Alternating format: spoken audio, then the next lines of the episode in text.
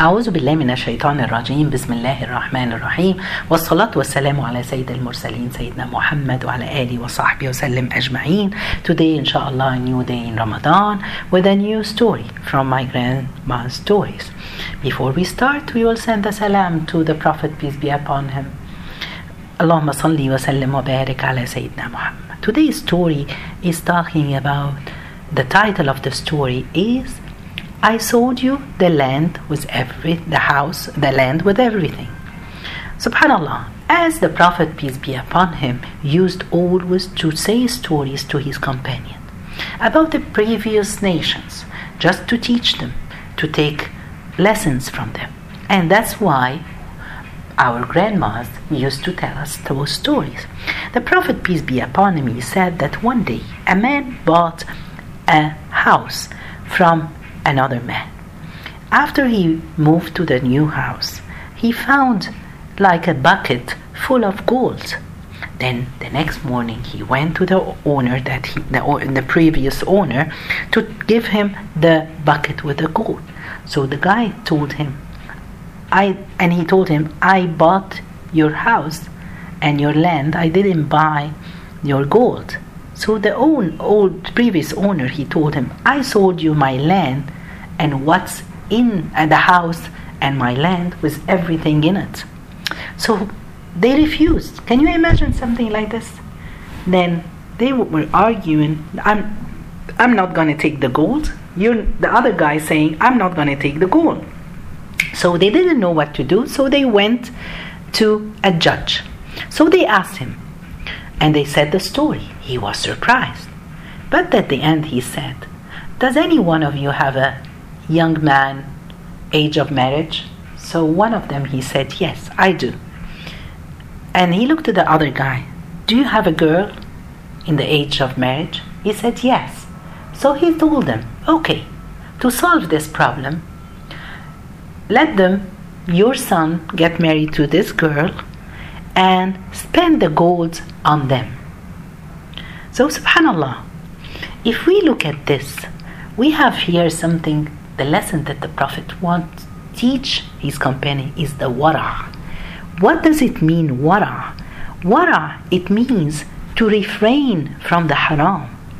They're afraid to take anything that doesn't belong to them. Let's continue. We will see the example when the Prophet, peace be upon him, used to teach them, the companion, all these stories and telling them, they learn from them. And this is our, we hope to learn from these stories. And look at the Abu Bakr Siddiq, he got the lesson. They say that he had a, a boy he worked for him. One day he brought some food. And then Abu Bakr stood, uh, sat down and started to eat. Then the boy told him, Do you know from where did I get this food? So he asked him, No. He said that before Islam, when I was in Jahiliyyah, I used to, one time, a man asked me something and I did a fortune teller for him. And I did have no knowledge about these things. I was lying at him. So today he saw me and he brought those food. So Abu Bakr, when he heard this, he put his tongue inside his mouth uh, to throw up because he doesn't want the haram in his mouth. What's this? That's the wara. He's uh, trying to refrain from the haram. Then another story about Umar ibn Abdul Aziz. When he was the leader of the Muslim nation, one time he was dividing, he had uh, in Bayt Mal al Muslimin, and the, the, he was distributing apple.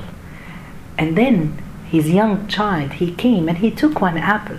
So Omar saw him. He ran and he took the apple from his son and he told him, No, no, son, it doesn't belong to us. And he put it back. So the son left and he went home to his mom crying. His mother sent someone to buy apple for them. They brought the apple. When Omar ibn Abdullah, the, the, his son, he ate his apple and he was happy. Then when Omar ibn Abdul Aziz went home at night, he saw his wife brought some apple for him. So he saw it. He said, Oh, Alhamdulillah, I was really wishing to eat apple today. Subhanallah, he had it in front of him, but he cannot take it. This could be haram. It doesn't belong to him. Another story. It shows what does it mean wara. That's the meaning of wara.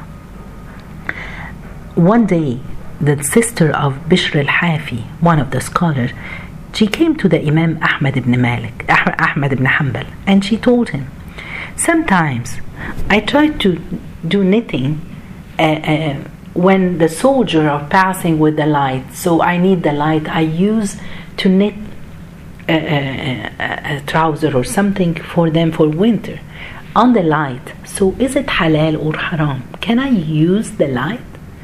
Wow, excuse me. Look at how she is. what is she asking? She is asking about is it halal to use the, the, the light in the streets, for example, nowadays, to do your work on it? So when she asked this, he asked her, Who are you? She said, I'm a sister of Bishr al-Hafi. Then Imam Ahmad, he cried and he said, At your home, it comes the wara, the real wara. This is, those are the type of people. They know, they, what does it mean wara? They refrain from the haram. Sometimes they leave the halal just not to go into haram. So our lesson today that we want to come out with is that we need to learn what does it mean the wara it means leaving what's mutashbuhat by being afraid to retrain in the haram. This is how it should be in our life. I'm not going to use anything that doesn't belong to me. One day a woman she said that uh, i borrowed two loaves of bread.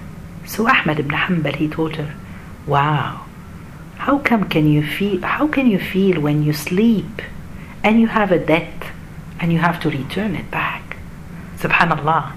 Another man he said that uh, uh, one day the scholar he used to write hadith and then the pen, his pencil broke so he borrowed the pencil from a friend who was sitting. And then after he finished, he forgot to turn it back. He left to his home in another city. When we, he went home, he remembered that he didn't bring it back. So he went back to the other city. Wow. Just can you imagine? This is how they were, those righteous people. Are we like that?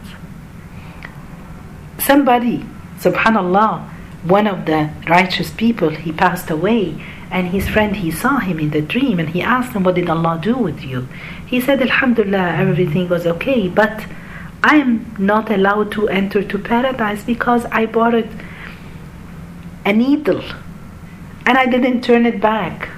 Subhanallah. So we have to reflect now about the wara. Ask yourself do you have wara inside yourself? Those people with a needle and two loaves of bread subhanallah ah, they can be punished.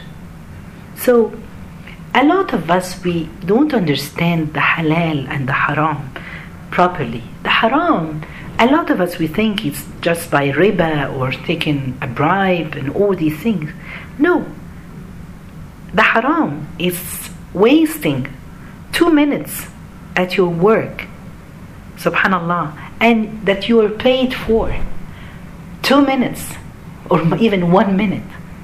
And we don't think this way. We think that we are smart when we say, okay, I told them that I'm sick, so I'm not gonna, I took a sick leave and I'm not gonna go.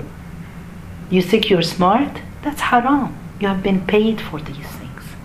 When you use uh, a pen or, or computer, no, not the computer, if they give it to you, the printer, the paper of the printer, and you bring it home for your kid to use it, subhanallah, for their homework. This is a haram. This is not wara. This is a problem that we are going through and we don't think about it properly. So we have to be aware when you take something from someone, you have to turn it back. When you're paid to do a job, you have to do it properly with whatever the deal you had to work nine hours a day, so you have to work nine hours a day. Some people in their work, they go and pray, subhanallah, and they take half an hour. While they're at home, they pray in five minutes. This is haram. This is not a wara. So, if you want, what should I do and you do to be in this wara? You have a person who, uh, uh, uh, subhanallah, you have. Um, uh, you have to forbid some actions. Number one, guarding your tongue from backbiting. Because this is a what I don't want to say something wrong. I don't want to harm someone. Uh, subhanallah. Uh, I am afraid to take something that doesn't belong to me. So, what do we want to come out with this lesson today? Every single person from us. Be careful. Be careful not taking welfare from your government and you don't deserve it. You lie. Or you ask someone to, you have a good job, decent job, but you're on welfare. That's wrong. You're not supposed to uh, pretend things just to take benefits from other things. So we have to have the wara in everything. So we have to question yourself today, after we finish this lesson. What do I do right and what do I do wrong? I have to be careful to be away, away from the haram, and even sometimes away from the things that you have doubt is it halal or haram. Leave them because you seek the halal. جزاكم الله خير سبحانك اللهم بحمدك أشهد أن لا إله إلا أنت استغفرك وأتوب إليك